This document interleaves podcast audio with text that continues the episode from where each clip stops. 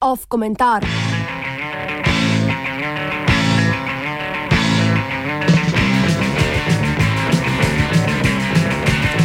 Kaj nam sporoča iskrena neumnost?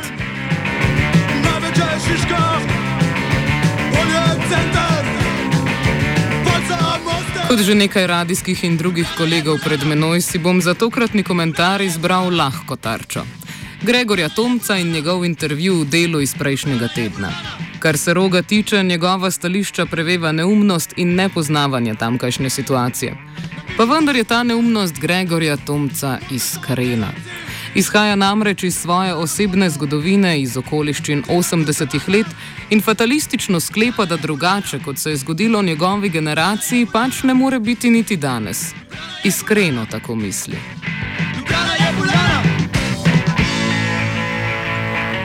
Tudi mi se bomo, kot večina uničujočih komentarjev na Tomčev intervju pred nami, osredotočili predvsem na dva ključna stavka intervjuja, v katerih Tomc zatrdi sledeče.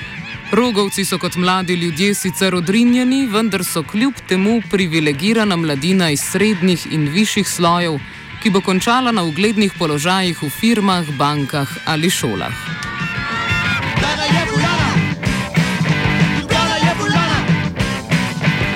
Tomčevo iskreno verjetje, da v imenu deprivilegiranih nastajajo novi privilegiranci, ni zgolj njegova blodnja. Vsaj za njegovo generacijo to zares velja.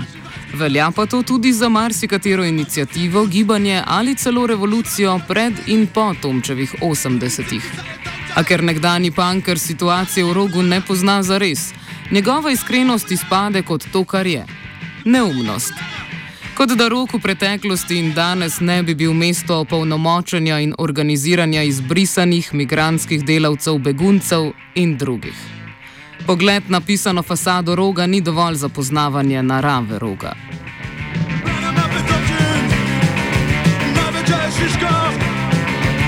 Veliko bolje za Tomca bi bilo, da bi se oglasil pred štirimi leti, ko se je odvijala zasedba filozofske fakultete. Njegova teza o privilegirani mladini iz srednjih in višjih slojev, ki bo končala na uglednih položajih, je veliko bolj relevantna na primeru zasedbe filofaksa. Kljub temu, da so takratni zasedbeniki še vedno mladina, nekateri že zasedajo ugledne položaje. Že takrat pa so bili mnogi zasedbeniki razredno umeščeni v srednji in višji razred. Vendar tukaj ne gre za to, da bi tako imenovani privilegiranci številčno prednjačili. Gre za to, da pripadnike višjih slojev njihove razredne okoliščine potiskajo v ospredje.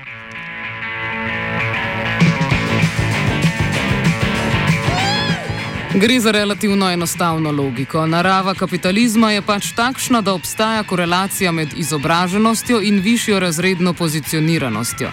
In ne zgolj izobrazba, tudi artikuliranost, discipliniranost in socialne veščine so razredno pogojene. Tudi v tako imenovanih antisistemskih gibanjih in pobudah med njihovimi pripadniki obstajajo različne stopnje določenih sposobnosti, različne intelektualne zmožnosti, različno delovni ljudje.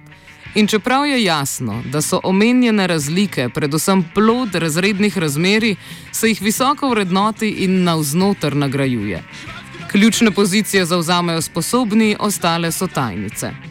Pri rogu je vsaj nekoliko drugače tudi zaradi radikalne odprtosti prostora in njegovega načina delovanja, ki v manjši meri omogoča klike.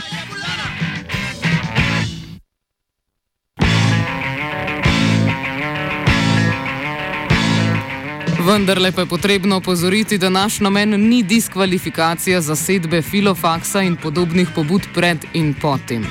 Socialistične revolucije od oktobrske naprej so rodile svoje rdeče buržoazije, a prinesle so tudi dejanske družbene spremembe in izboljšanje življenjskih pogojev ogromnih količin prebivalstva. 80. so prinesla demokratizacijo in človekove pravice, a prinesla so tudi restauracijo kapitalizma. 90 so prinesla zasedbo Metelkove, a se je ta toliko zasmradila, da so 2000 zahtevala zasedbo novega prostora - roga. Tuhtanje o tem, katere spremembe so prinesle več dobrega kot slabega, je problematično. Poleg intenc tistih, ki so v družbena gibanja aktivno upleteni, na razvoj dogodkov v grozeče veliki meri vplivajo na ključja, okoliščine in sile, ki jih nihče ne nadzoruje.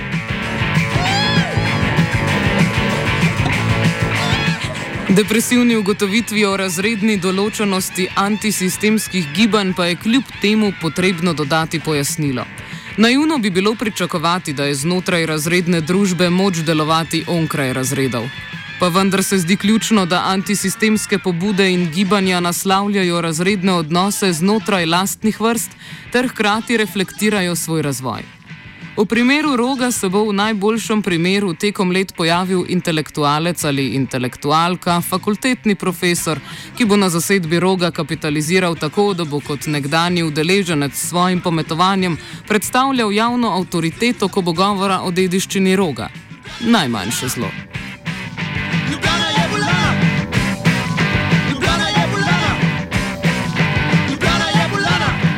Kaj torej narediti z osovraženim Gregorjem Tomcem?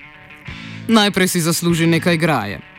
Zaradi slabe informiranosti in površnega poznavanja roga mu priporočamo njegov obisk, za domačo nalogo pa raziskovanje zgodovine zasedenega roga in spoznavanje z deprivilegiranci vseh dežel, ki se tam nahajajo in organizirajo. Čeprav rogovcem sporoča: Tovariši, jaz vam ne verjamem. Mu priporočamo, da tovariše poskuša spoznati. Razen graje pa je potrebno Tomca tudi potrepljati po ramenu. Če je zgrešil pri rogu, pa njegova stališča veljajo za marsikatere pretekle in prihodnje kolektive. Svojo naivno iskrenostjo je opozoril ne samo na realnost 80-ih, temveč je samo kritično opozoril na družbeno logiko, ki jo je nek drug slovenski punk band iz 80-ih spretneje obesedil.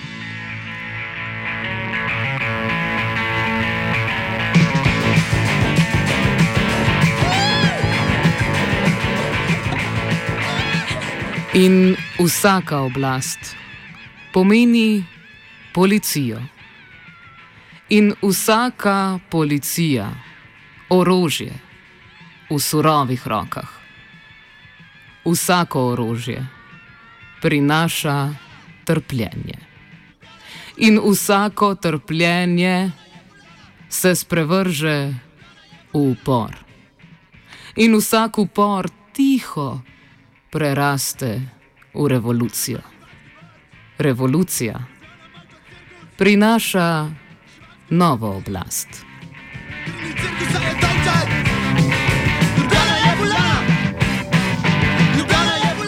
A kljub vsej depresiji opevane cikličnosti se vendarle zdi, da človeštvo napreduje. Zdi se.